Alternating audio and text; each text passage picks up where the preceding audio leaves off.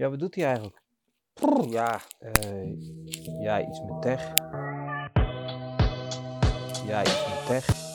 In deze derde special van Iets met Tech een gesprek met Mark Flat, oprichter en geen baas van telecombedrijf Voice. Met Mark praten we over ondernemen, fouten maken en over de gevaren, maar ook de voordelen van AI.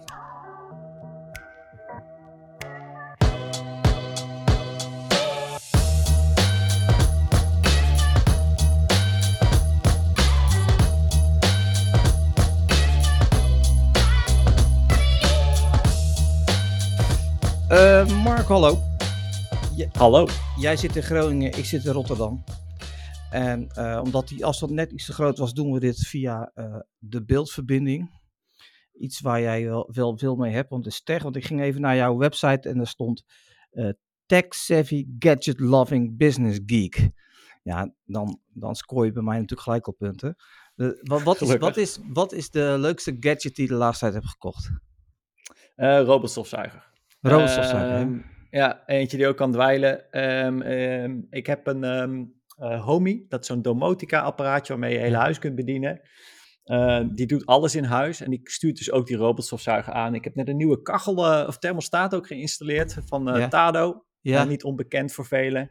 Ook die praat met Homey. Dus ik kan nu ook als ik eh, van huis wegga, gaat automatisch de kachel uit. En als de kinderen thuiskomen, schakelt die automatisch in met de juiste temperatuur op hun kamer. Ik ga helemaal goed op dat soort dingen. ja Dus lekker. die. Tado en die robotstofzuiger zijn echt wel twee dingen waarvan ik denk van, hé, hey, goede kopen. Ik heb laatst eh, als, ja, was een sample eigenlijk, de, Dream, de Dreamy eh, gekregen. Ook met zo'n reservoir erboven en dan met, eh, Ja. met, met twee van die borstels. En, en ik, Ja. ik heb twee honden en ja, dat, dat is echt fantastisch. Elke dag even die borstels er doorheen. Dat is echt, echt ik, Ja, ik kan heel blij van worden. Ja, de kinderen lopen de keuken uit en dan is het om een of andere reden krijgen pubers het voor elkaar om daar eh, s ochtends vroeg echt een soort explosie eh, van te maken. En dan zet je Ja. dat ding aan en dan eh, heb je de, kom je terug en van de jongste naar school brengen en dan is het weer normaal. Ja, ik vind dat wel fijn. Ja. Ja, ik vind dat, ik vind dat heerlijk. Eh, ik zou je zeggen, pubers en honden maakt niet zo heel veel, veel uit hoor, qua troep. Dus wat dat betreft. Ehm, ehm, heel veel mensen kennen jou wel, heel veel mensen kennen jou niet. Ehm, je bent ondernemer. Eh, je hebt eh, drie bedrijven en een stichting, denk ik dat ik moet ja, zeggen. inmiddels is het gewoon Voice. We hebben alles teruggebracht naar één, eh, één merk. Het is gewoon een telecombedrijf Voice en Ja. daarnaast de stichting 48%. Oké, nou, je, je, bent, je bent zeg maar business-wise gegroeid met het oprichten van Voice, wat een online, ja, hoe, omschrijf ik het beste? Wat is het? Wij leveren cloud-telefonie aan bedrijven. Dat is wat we Ja. doen. Eigenlijk gewoon een concurrent van KPN, maar dan leuker, beter, goedkoper en een stuk klantvriendelijker. Ja, waarom leuker? Ehm nou, gaan we gewoon eens naar onze website. Ik denk dat je daar al een stuk eh, vrolijker van wordt dan de website van KPN. Ook omdat de organisatie die je daar ziet een werkelijke afspiegeling is van de organisatie die we zijn. Ik denk dat dat Ja. altijd al voor bedrijven een hele hoop scheelt. Ja, vind je dat belangrijk? Ja, ik vind, ehm, ik vind de authenticiteit die je hebt als mens, maar ook als bedrijf, vind ik, eh, vind ik ontzettend belangrijk. En ik zie dat ook steeds verder teloor gaan. Als ik hoor dat Shell op dit moment meer uitgeeft aan eh, eh, groene marketing dan aan groene projecten, dan, eh, dan heb je aan mij een hele verdrietige jongen. Ja. En dat is wel de wereld waar we op dit moment onderdeel van zijn. Dus Ja. ik vind authentieke merken die dicht bij zichzelf blijven, die zeggen wat ze doen en doen wat ze zeggen, vind ik ontzettend, eh, Maar is dat, is dat ontzettend bij, belangrijk. ja, is dat bij het merk, we hadden net in het voorgesprek eventjes, jij, jij verwees naar de dopjes die ik in heb, die zijn van Nothing. Toen zei ook van, ja, dat vind ik zo'n leuk merk, omdat daar meer omheen zit dan alleen de tech. Is dit, is- wil jij dat ook? Wil jij dat mensen het merk Voice leuk vinden en daar goede dingen mee doen? Ik wil in ieder geval, dat- eh, kijk, de meeste mensen kennen Voice niet van wat we doen. Die kennen ons niet van de telefonie, maar die kennen ons voornamelijk van de manier waarop we georganiseerd zijn, omdat we werken zonder managers en zonder functies. Eh, daar hebben we veel meer bekendheid mee gekregen dan met eh, wat we doen. Ehm, ik vind wel, en we hebben recent, vorig jaar werden we, eh, ehm, eh, Sprout doet ieder jaar een onderzoek naar wat de beste zakelijke dienstverleners zijn. En we werden zowel op eh, ehm, eh, technisch gewoon product leadership, als op eh, operational excellence, dus gewoon de executie van het bedrijf, als op klantgerichtheid scoorden wij het hoogst in onze categorie. Eh, ik vind het belangrijk dat je door je klanten gekend wordt voor zowel wat je doet als hoe je het doet. Ja. Eh, en dat die twee ook met elkaar verbonden zijn. Dus ja, ik Ja. vind dat belangrijk. Ja, ja ik, ik, ik ben het ontzettend met je eens. Ik, ik mis bij heel veel bedrijven juist de merkbeleving. Die zijn alleen maar bezig met het doosje van A naar B te krijgen. En niet, niet van wie zijn wij en wat willen we overbrengen. Wat zijn onze waarden en hoe kunnen we die overbrengen op onze klanten. Dus ik, ik, ik, moet, ik moet zeggen dat ik heb, ik heb ooit een abonnement gehad bij Voice. En ik ben ook een, wel een tech-savvy, gadget-loving business geek. En dat, dat, en dat heb ik toen vooral gedaan omdat ik het super interessant vond om via het internet te kunnen bellen. En ik, omdat ik Ja. het eigenlijk helemaal niet zo nodig had. Maar het was ook ja, eh, goedkoop. 5 euro per maand of zo heb ik toen betaald ooit bij jou. Ja, Dat was echt ja. heel goedkoop. En, en, ja, en het werkte gewoon prachtig. Mooi backend. En dan heb ik het echt al over. Nou, misschien wel tien jaar geleden. Ik weet het niet precies. Maar Ja. echt, Ik denk misschien nog wel langer. Ja. nou ja, ja dat, dat, dat kan inderdaad. Ja. Nee, dat denk ik ook wel wat langer. Ja, nou goed. Anyway, eh, voice, ehm daar daaraan gekoppeld zit ook voice, VoIP Grid. Of Voice Grid, wat is het? VoIP Grid Voice Grid? VoIP-grid. Ja, VoIP eigenlijk is dat de, de partij die de technologie eh, eh, ehm, naar de markt brengt. Eh, dat doen we via Voice, maar VoIP-grid heeft daarnaast ook nog 199 andere partners die het onder eigen naam naar de markt eh, brengen. White label. Dus heel veel white label. Ja, dus heel veel mensen kennen ehm, eh, Voice niet, maar gebruiken wel dezelfde producten die eh, aan de achterkant worden ontwikkeld. We zagen echter op een gegeven moment dat eh, we hadden dat vroeger heel erg nodig om aan die partners te laten zien dat wij een onafhankelijke speler waren. Ehm, de telecommarkt was echt behoorlijk verziekt. KPN ehm, had businesspartners van KPN, maar zodra daar een contract verliep, gingen ze ook direct in concurrentie met de partner die het daar geleverd had. En vervolgens kreeg dan die partner te horen dat ze hun salesdoelstelling aan het eind van het jaar niet hadden gehaald en hun kortingen dus niet kregen. Eh, dat was zo'n ongezonde structuur. En wij zeiden, als we echt onafhankelijk willen zijn, dan moeten we daar een onafhankelijk merk voor hebben en zelfs een onafhankelijk bedrijf. Dus VoIPgrid is ooit opgericht als totaal onafhankelijke organisatie. Daar werd de technologie ontwikkeld en die werd daar naar de markt gebracht. En Voice zat ook fysiek ergens anders in het pand. Die aten in eerste instantie zelfs ook niet samen. Om te garanderen dat hij die onafhankelijkheid kon waarborgen. We merken nu we dat, ik denk inmiddels al wel tien jaar hebben weten te garanderen. Dat onze partners het eigenlijk niet zoveel meer uitmaakt. En eh, in het buitenland dat het ook gewoon heel lastig is om eh, meerdere merken te onderhouden en naar de markt te brengen. Dus ik acht de kans groot dat het VoIP-merk op termijn zal gaan eh, eh, verdwijnen. Waar we nog steeds white label partners zullen hebben die het onder eigen merk naar de eh, markt toe brengen. Ja. En, en, en Spindle, dat is een... Dat was de development. Ja, de development. Eh, maar dat merk hebben we echt een aantal jaar geleden al eh, opgegeven. Nou, Oké. Daarvan hebben we gezegd van dat, eh, dat, dat is niet meer noodzakelijk. Dat hadden we wederom. VoIPgrid voelde de mensen die daar werkten zich niet heel erg aan verbonden. Toen is Spindle ontstaan als echt puur een development house. Met ook het idee dat we meerdere soorten technologieën zouden gaan ontwikkelen. ja. Daar hebben we ook experimenten mee gedaan. We hebben onder andere echt wel een next-gen CRM-pakket ontwikkeld. Wat zijn tijd ver vooruit was. Heel veel van de functionaliteiten die je nu terug ziet komen in CRM-pakketten hadden wij toen ter tijd al. Ehm, maar we kregen dat gewoon niet succesvol in de markt gezet. In het geweld van al die andere CRM-pakketten. En achteraf gezien hadden we dat nooit onder een los merk moeten doen. We, hadden, we hebben eh 30.000 bedrijven die klant bij ons zijn. Het Ja. was helemaal niet gek als er een voice CRM was geweest. Nee, helemaal Maar dat niet. is eh, wijsheid achteraf. Ik denk dat het geintje ons eh, zo'n 2 tot 3 miljoen heeft gekost uiteindelijk. Om erachter te komen dat het eh, niet handig was om een, eh, ja, iedere keer een los merk te bouwen. Dat, Ja. dat, is, dat is wel het mooie, nou ja, in dit geval niet, niet helemaal natuurlijk van ondernemen, is dat, dat alles moet kloppen. hè. En dan heb je het product, dan heb je het technische product, dan heb je alle futures en dergelijke. En dan, en dan toch krijg je het niet van de grond. Om, A, omdat je dan de naam niet, maar B, omdat dan ook de, de markt groot is voor je. Zeg maar, de, de, degene die groot zijn in de markt. Nou, het grappige is, je denkt, ik heb het al een keer gedaan, ik weet hoe dit spelletje werkt. Eh, eh, we hebben eh, meerdere ondernemingen inmiddels gestart. We gaan nu ook een nieuw product lanceren. Dat hebben we tot, met verschillende producten geprobeerd en het is ons gewoon steeds niet gelukt. Want ehm, echt, ik vind geluk een onderschat element van het ondernemerschap. Ehm, ehm, je kunt een hoop doen met research, je kunt je technologie nog zo goed voor elkaar hebben, maar als je het niet goed weet te verkopen, als je timing niet klopt, Ja. ehm, ja. dan, eh, dan ga je. Ja, dat is Ja. heel grappig dat je dat zegt. Ik, ik, eh, ik volg een eh, podcastserie van M- NPR, How I Build This, Ja. met Guy Ras. Ja, En hoe ik. vaak, als je daar het woordje geluk gaat turven, dan, dan, ja, dat zit er heel veel in. En, en ehm, Ja, en timing is echt een onderschatte factor hier. Dat is Ja. echt serieus waar. Eh, als Voice twee jaar eerder was begonnen, dan waren we lang niet zo groot geweest. Als Voice twee jaar later was begonnen, hadden wij helemaal geen kans gehad, denk ik. nee. Dus ook daarin, wij waren precies klaar op het moment dat het gros Ja. van de markt zei, nu willen we cloudtelefonie. Toen waren wij klaar met onze bedrijfsprocessen, waren we klaar met de technologie die heel volwassen was al bij ons. We konden het supporten op schaal, we konden het verkopen en leveren op schaal, maar we waren een van de weinigen. Dus zijn wij toen de partij die heel snel gegroeid is. Maar dat komt omdat we daarvoor een aanloopperiode hebben gehad. Als het twee jaar langer had geduurd voordat VoIP echt was doorgebroken, hadden we het gewoon financieel hadden we het waarschijnlijk niet gered. Als Nee. het twee jaar eerder was gebeurd, waren we er organisatorisch nooit klaar voor geweest. Dus ja, gewoon geluk. Gewoon Ja. geluk. Ja, maar geluk is ook belangrijk. Ik ben benieuwd, hè. Jij, jij, jij bent, nou ja, ik kom weer terug op de tech savvy, gadget loving, business geek. Dat, dat, dat, is, dat is een heel mooi pakket aan, eh, aan, eh, aan dingen eh, die ik mezelf ook wel toeschrijf. Ehm, je hebt met Voice heb je een technologisch bedrijf in de markt gezet. En die een tijd niet erg vooruit was, maar juist genoeg om mensen aan te trekken. Ehm, in, in hoeverre ben je nu nog bij Voice betrokken? En eh, nog steeds dagelijkse operatie. Ja, ik vind het ook ja. nog steeds ontzettend leuk om te doen. Maar, maar in wat voor, op wat voor manier? Ik, denk, is, is dat, is dat die, eh, business development of is dat product development of is dat eh, cultuur?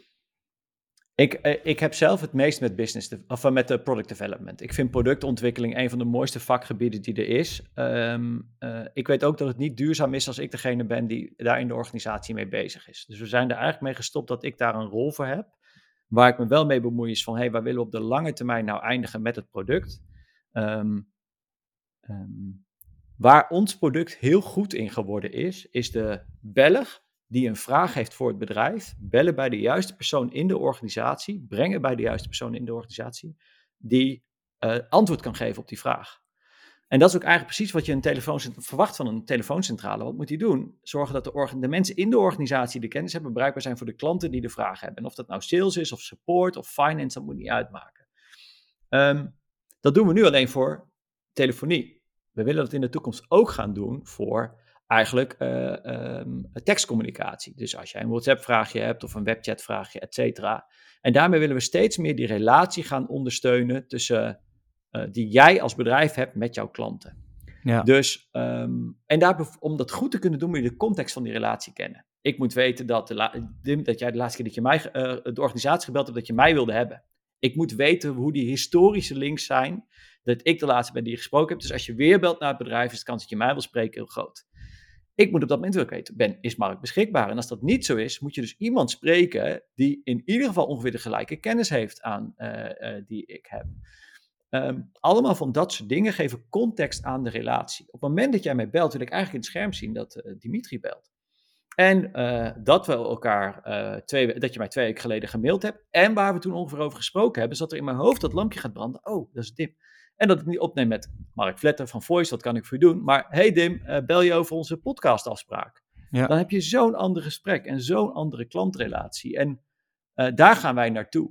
Dus waar wij vroeger een telecomprovider waren, gaan wij steeds meer naar het ondersteunen van die zakelijke relatie toe. En dat is een wezenlijk ander product. En daar wil ik de stip nog wel voor op de horizon eh, zetten. Of we dan vervolgens WhatsApp moeten integreren of webchat moeten gaan doen. En dat is niet aan mij. Of wij we zijn nu bezig met een, eigenlijk een nieuwe versie van een soort contactboek. Een contactboek wat zichzelf vult en wat wat slimmer is. Dat noemen we een contextboek. Uh, hoe dat er precies uit moet komen te zien, dat is niet meer aan mij. Hoe interessant ik dat ook vind en hoeveel mening daar, ik daar ook over heb, ik moet dat echt wel uh, leren loslaten. Het grootste wat ik nu doe, is heel erg kijken naar wat zijn grote technologische trends, wat zijn grote maatschappelijke trends en hoe gaan die ons bedrijf, maar ook onze klanten raken en wat voor experimenten kunnen we daarmee doen. En dat kan dan zijn dat de organisatie daardoor verandert, dus de manier waarop we uh, als organisatie georganiseerd zijn. Of het kan zo zijn dat ons product op basis daarvan verandert. Het ja. gaat vooral om dat we op basis van wat er verandert experimenten doen om te leren of het slimmer of beter kan. En ik vind het dan ook heel leuk om erover te communiceren. Uh, ja. Bijvoorbeeld, uh, dit is hoe wij radiomarketing hebben gedaan. Dit zijn onze learnings eruit. Uh, en dat is vervolgens naar de buitenwereld brengen. Hoe relevant is radiomarketing in deze tijd? Um, we hebben heel veel te doen gehad met de Belastingdienst de afgelopen tijd. Uh, vanwege onze stichting, waar vragen over kwamen. We hebben een algemene boekencontrole gehad. We zijn naar een transitie aan het gaan waarbij ik niet meer de aandelen heb van het bedrijf, maar dat het bedrijf zelf die aandelen heeft. Dat vraagt heel veel afstemming. Dan leer je van alles over belastingregels en dat soort zaken meer, die eigenlijk onzichtbaar zijn voor de rest van de wereld. Ik vind het heel erg interessant om daarna te vertellen, zo hebben we die processen aangepakt. Dat is anders dan hoe andere bedrijven het doen. Dit is wat we ervan geleerd hebben. En dit zijn misschien wel weeffouten in het systeem waar we als maatschappij wat aan zouden moeten gaan doen. Nou, dat, dat raakvlak van mens, technologie en, en proces, dat vind ik uh, super interessant. Um, Jij zegt net van, ik, wat ik, ik moet trends en ontwikkelingen in de gaten houden die ons raken, maar ook onze klanten raken en de mensen in het algemeen. En uh, jouw product heeft al of komt onherroepelijk in aanraking met AI. Het fucking ja. buzzword van op dit moment. Uh, Terecht ten eerste, ten eerste op een schaal van 1 tot 10. Hoe beu ben je het al dat er over gesproken wordt? Uh, nog helemaal niet. We zijn nog er nog lang niet, niet klaar over. Nee, nee, nee. het wordt nog veel gekker.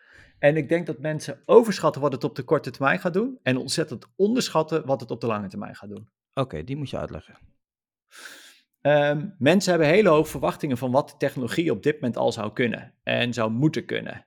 Um, als ik op dit moment, dat is wel mooi hè, ik heb dus die domotica waar ik het net over had. Ja. Als ik op dit moment vraag aan Google, wil je de lamp in mijn woonkamer aandoen en de lampen bovenuit, dan snapt hij dat niet.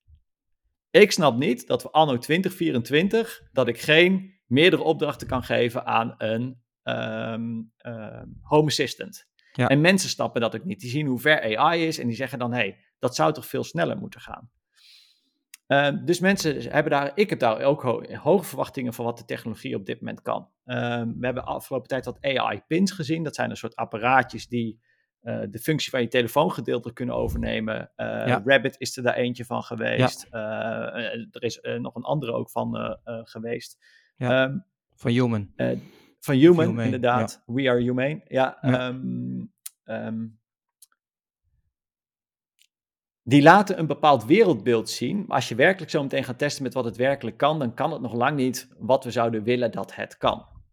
Maar ze geven een voorbode die echt, ja, die zulke grote maatschappelijke trends zou kunnen ontketenen. En als je AI combineert met robotica, dan, um, dan kan ik me voorstellen dat we echt een hele andere wereld in uh, gaan. Die gaan we sowieso. Uh, waar ik, ik, ik heb me uh, expres een beetje afzijdig gehouden van het hele, het hele AI-storm. Ten eerste omdat ik het heel erg irritant vind dat mensen zich heel snel een bepaald uh, topic uh, toe-eigenen. Vooral op LinkedIn. Ja. Nou, daar, daar, daar ben ik helemaal niet van. De lijstjes en de, en de whitepapers en zo. Maar ik denk ook van, ja, Sowieso ik... zijn ze achterhaald als ze geschreven zijn, want ja, het gaat nog zo snel. Ja, maar het is gewoon, het is gewoon volksfokkerij. Uh, maar goed, anyway, ja. daar, daar hebben we het nu niet over. Um, ik, ik, ik, ik vind het nu... Kijk, ik zit, ik doe, ik doe, deed veel in de media. En, um, um, en ik, ik, ik, daar gaf je zoekopdrachten, kreeg je resultaten, ging je op linkjes klikken. Nu, AI kan heel goed samenvatten voor jou. Hè? Dus de, de Arc Search app voor op iPhone en de Arc Search browser, die kun je nu eh, vragen, browse for me op een opdracht van wie is Mark Vletter. En dan krijg ik een mini-pagina ja. waarop de foto van jou staat, wat je gedaan hebt en dat je een leuke jongen bent. En daaronder staan nog een paar links. Um, ja. Ik vind het prachtig, maar de kwaliteit ervan is, is, is soms best nog wel een beetje verdrietig. Uh, ja. omdat, uh, het, uh, omdat de AI aan de ene kant het, het, het internet helemaal volgooit met gegenereerde content. En aan de andere kant zelf die content weer gaat gebruiken. En heel erg die ja. content ook weer gaat gebruiken om zijn zoekresultaat ja. te geven. Um, en daar ben ik een beetje bang voor dat dat. zeg maar dat de kwaliteit heel erg omlaag gaat. Er zijn twee dingen wel interessant. Er is één research paper die aangeeft dat AI zichzelf wel kan trainen op zelf gegenereerde data. Dus dat zou binnen bepaalde parameters niet eens heel erg hoeven zijn. Aan de andere kant verwacht ik ook dat er een split komt tussen ruwe data van voor het AI-tijdperk en ruwe data van daarna. En um, dat ook de AI-detectie heel erg relevant gaat zijn. Dus uh, wij hebben onder andere met ons marketingteam afgesproken dat we geen AI-teksten gebruiken op onze website. Op het moment dat je dat doet, wordt alle, wordt, is het heel makkelijk voor een AI-robot om te zeggen dat is vervuilde content. En die ga ik dus niet op een zuivere manier indexeren.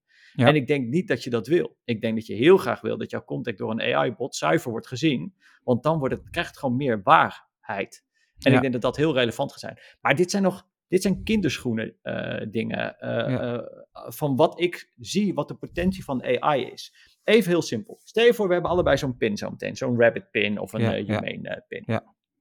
Dat ding neemt 24-7 ons leven op. Jouw hoofd is heel slecht in het onthouden van dingen. Dus ik schrijf aan het eind van iedere dag, en na aanleiding van dit gesprek, even een klein dagverslagje. Wat wij nu bespreken wordt opgenomen. En dan kunnen we zo meteen een transcript van maken. Als Ja. ik al jouw communicatie opsla en er een transcript van maak, creëer ik een perfect geheugen van alles wat jij ooit hebt gedaan en eventueel als ik een videobeeld bij heb, ook heb gezien. Dan weet ik dus, geautomatiseerd en samengevat, wat jij weet. Stel je nou voor dat wij een afspraak hebben en ik ook in jou, of wij doen een project samen en ik mag ook in jouw geheugen letterlijk gaan graven en dat combineren. En ik laat een AI daar verbanden in leggen. En ik vergroot dat nog uit. Ik laat dat in teams en organisaties plaatsvinden. We creëren een collectief maatschappelijk geheugen. Ja, het, ik weet niet wat de implicaties daarvan zijn. Maar de eenvoud waarmee dit mogelijk wordt en de kans dat dit gebeuren gaat, is ontzettend groot. Hoe komt de maatschappij er op dat moment uit te zien? Als jij nooit meer wat vergeet, iedere afspraak terug te halen is, exact is terug te halen wat je gezegd hebt. Jemig joh. Ja, maar Scary. nu kom ik voor het eerst weer op het, terug op het woord mens. Ehm, en, en, eh, want dat is, ik eh, meen eh, te horen dat dat voor jou belangrijk is. Is wat, wat, hoe blijft de mens, hoe gaat de mens daarin staan? Ehm, En dat vind ehm, ik dus het spannende. Want Ja, ergens zit er namelijk heel veel waarde in dat jij alleen onthoudt wat er voor jou op dat moment echt relevant is.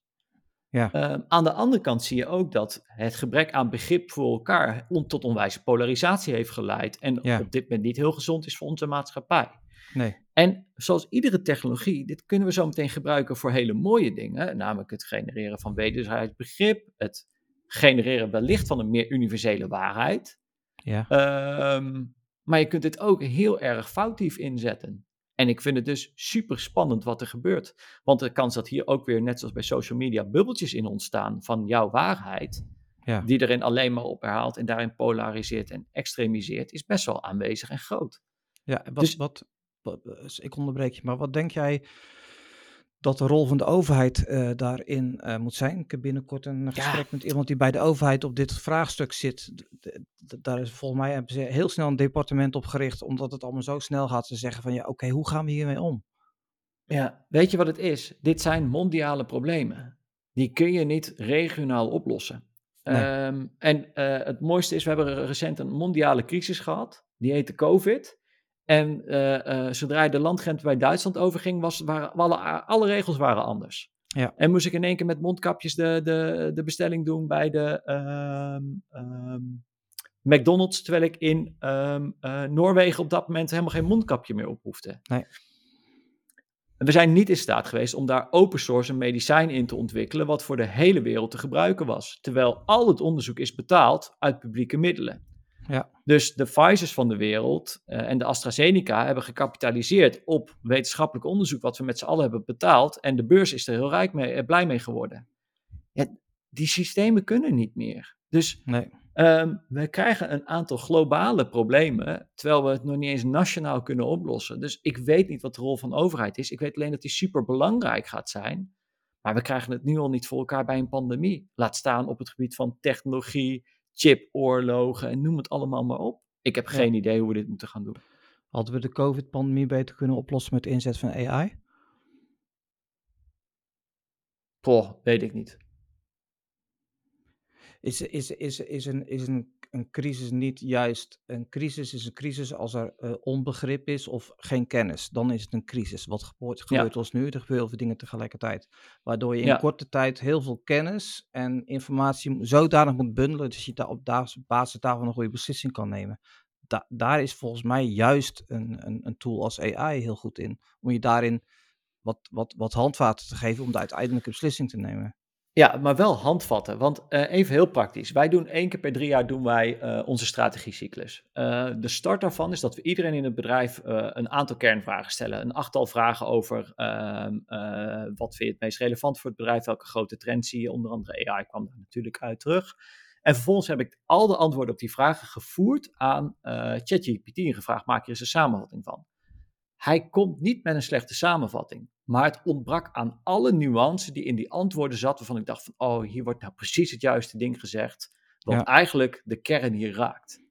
Dus waar AI heel goed is in het, hier gaat het ongeveer over, dit is ongeveer de hoofdlijn, ontbreekt het aan alle finesse en nuance. En ik denk dat complexe problemen over het algemeen juist vragen om finesse en nuance. Ja. Dus als tool om te helpen, prima. Maar als tool om primair op te varen, uh, absoluut niet.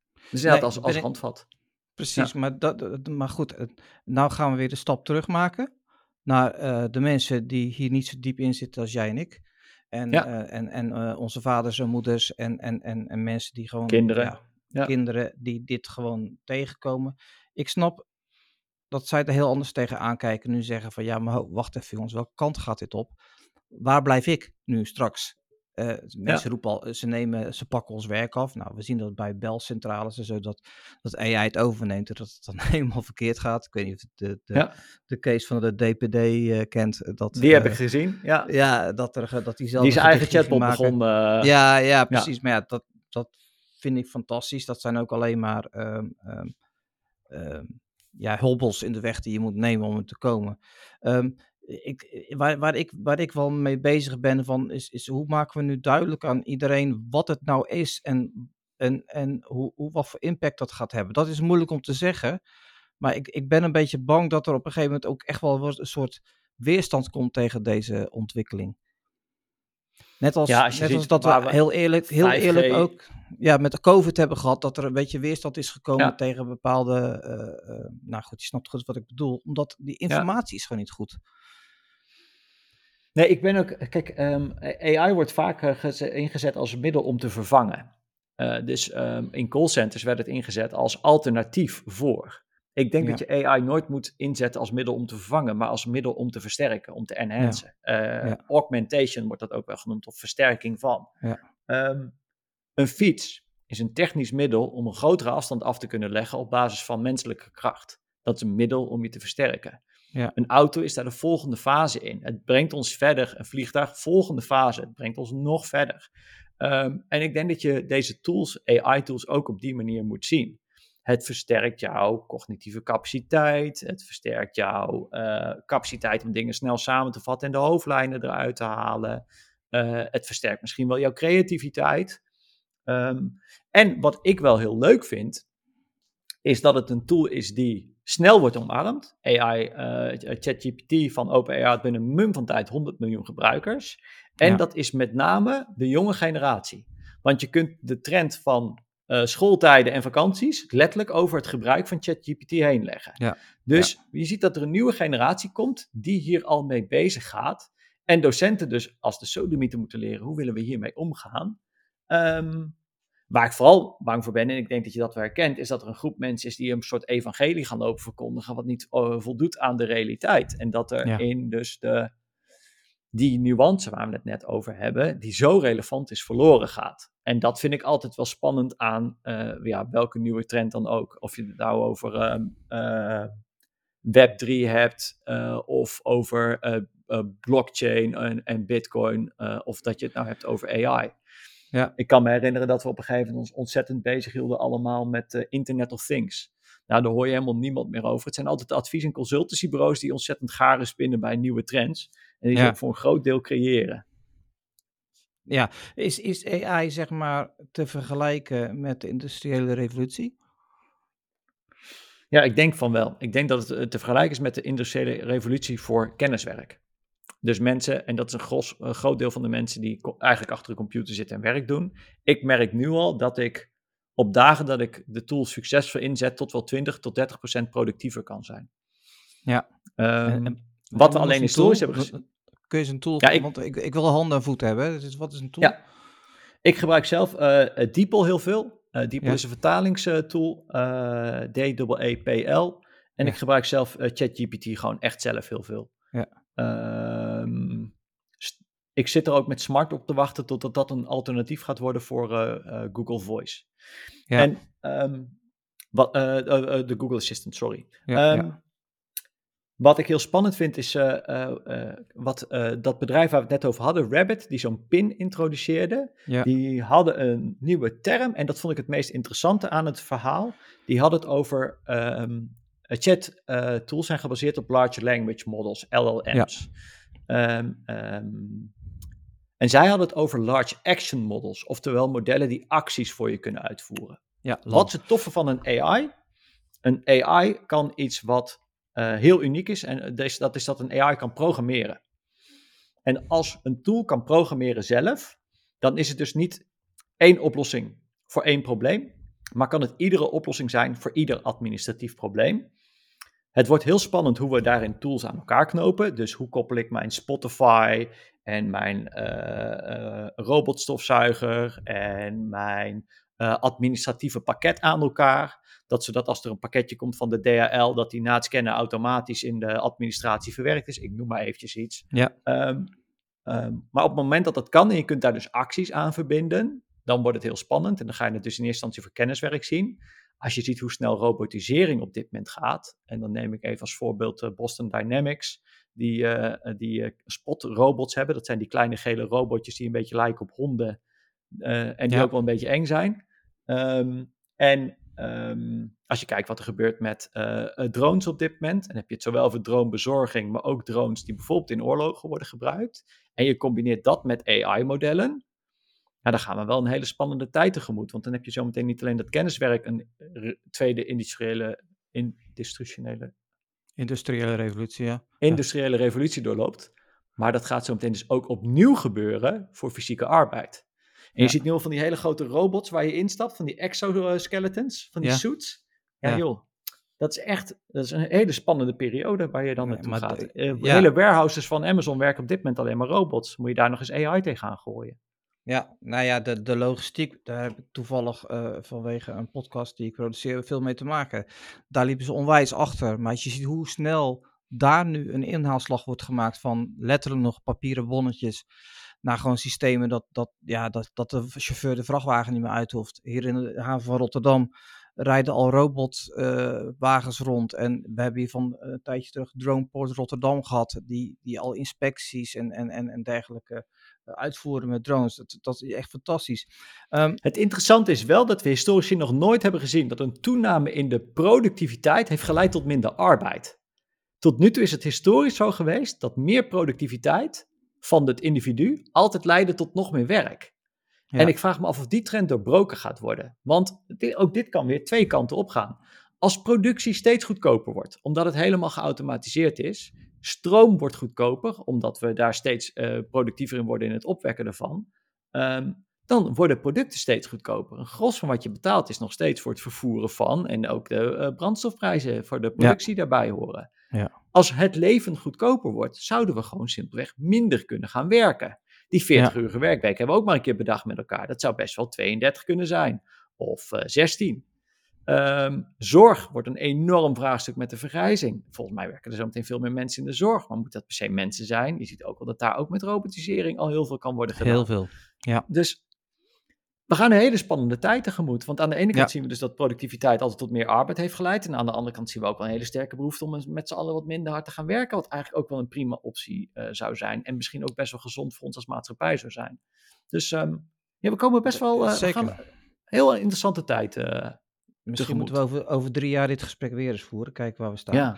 Ik wil nog even terugkomen op de factor mens. Ehm, ehm, aantal, nou ja, goed, je hebt al eerder gezegd, je vindt de mens in de organisatie belangrijk. Eh, de, de mens en de techniek vind je belangrijk. Ehm, ik, zat wat oude blogs eh, van je te lezen op je website. Eentje over de deelscooter, waarin je heel erg goed uiteenzet waarom de deelscooter eh, zo belangrijk is en waarom die moet blijven. En waarom dat belangrijk is voor de mens en het milieu. Jij, bent, jij zet je in, of zette je in, ik weet nog steeds nog eens, ook voor de, de, de, de- dat meer mensen op de wereld internet kunnen gebruiken. Ik zeg het, ik zeg het beetje ja, op slag. het dichten van de digitale kloof. Ja, 48% heet jouw organisatie. Eh, Ja, Ik stichting. hoop, ik, Ja. ik, of ik hoop dat die naam een beetje achterhaald is. Dat, dat, want Dat is die 48% inmiddels. of het aantal mensen dat, die geen toegang meer hadden tot. eh, die geen toegang hebben tot internet en, en, en dergelijke. Ja, we hebben de stichting opgericht op het moment dat 48% van de wereld geen toegang had tot het internet. En dat getal is inmiddels alweer een stuk lager. Dus dat gaat heel erg de goede kant op. Eh, wat je vooral ook wil, is dat het internet veilig en op een goede manier gebruikt kan, eh, kan, eh, kan worden. Dus dat, dat, is, dat zijn de pijlers waar de stichting het heel erg naar kijkt. Aan de ene kant access, dus gewoon toegang tot. En aan de andere kant dat het op een veilige en goede manier gebruikt kan worden. Dus Ja. training, educatie zit daar heel erg in. Ja. Wa- wa- wat, wat, wa- waarom ben je dat begonnen? Zie je hier is dit een, een, soort grotere gedachte van je, wat je denkt van uh, betere informatie, meer communicatie is, is, is, is snellere oplossing voor problemen? Of, of hoe, Nou, er zit een tweeledigheid in. Aan de ene kant uh, denk ik dat we voor de problemen die we in de toekomst gaan hebben, het collectieve, uh, de collectieve capaciteit van alle mensen nodig hebben. En ik denk dat de toegang tot internet en communicatie daar een heel groot goed in is. Uh, dit begon ooit omdat ik heb, um, ik heb stage gelopen in Haiti. En uh, daar zie je heel erg van wat de impact is van het niet hebben van toegang tot communicatie op zowel het individu als op een maatschappij in zijn totaliteit. Um, je loopt steeds sneller, steeds meer achter. Zeker in een globaal speelveld. Ja. Um, een van de jongens met wie ik samenwerkte verloor zijn broer. En die verloor die simpelweg omdat hij niet op tijd een dokter kan bellen. Impact op het individu. Hij moest de begrafenis organiseren. Hij was alleen maar bezig met heen en weer reizen van het dorp waar zijn broertje overleden was, naar de stad waar de begrafenis georganiseerd moet worden, terug naar het dorp om uit te leggen wat de tijden zouden zijn uh, en hoe de dag eruit zou komen zien. Dingen die wij met telefoon, telefoontjes zouden doen, moest hij fysiek voor heen en weer.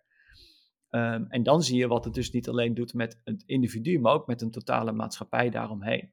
En toen ik daarvan terugkwam, had ik zoiets, hier moeten we echt wel wat mee doen. Toen de tijd was het idee om een Starlink-achtige constructie uiteindelijk de lucht in te uh, slingeren. Um, Heel erg lang gekeken naar low orbit internet en de kosten daarvan, want het zou best wel snel afnemen.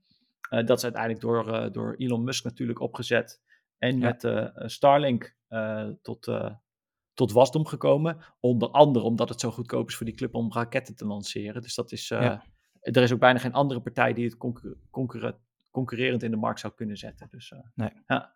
Maar dat nee. was een beetje waar het begon. En um, nog steeds vind ik dat is een heel belangrijk element ook om, eh, we zien onder andere, het klinkt toch gek, met, nee, laat de gelijkwaardigheid van de maatschappij gewoon toenemen als mensen toegang hebben tot het internet. Het is goed voor minderheden, het is goed voor vrouwenrechten. Dus uh, uh, internet ja, heeft best wel een positieve wasdom. Ja, gelijke kansen. Ja, en, en ook...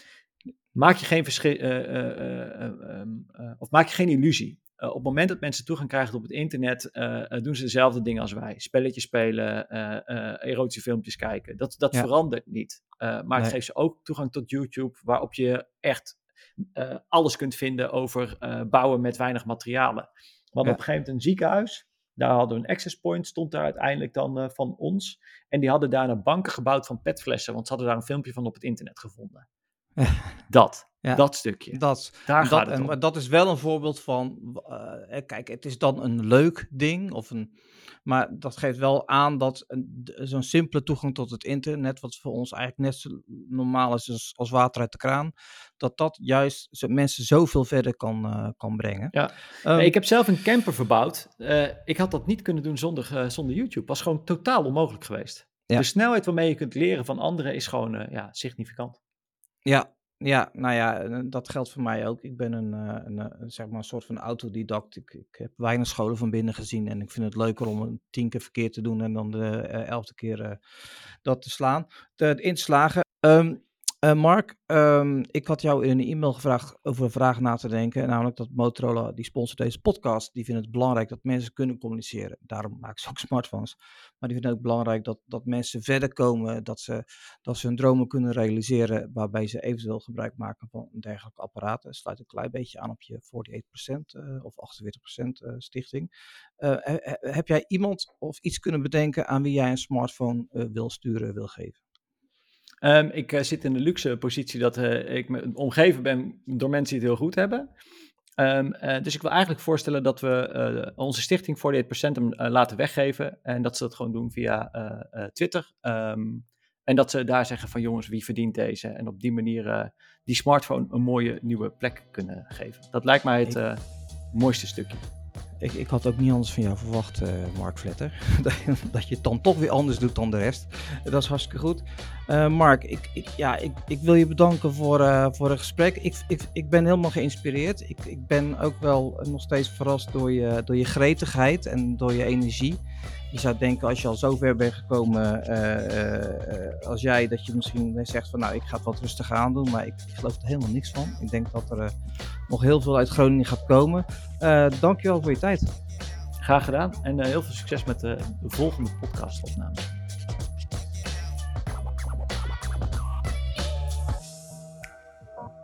Iets met Tech wordt gemaakt door Ruud Karis en Dimitri Vleugel.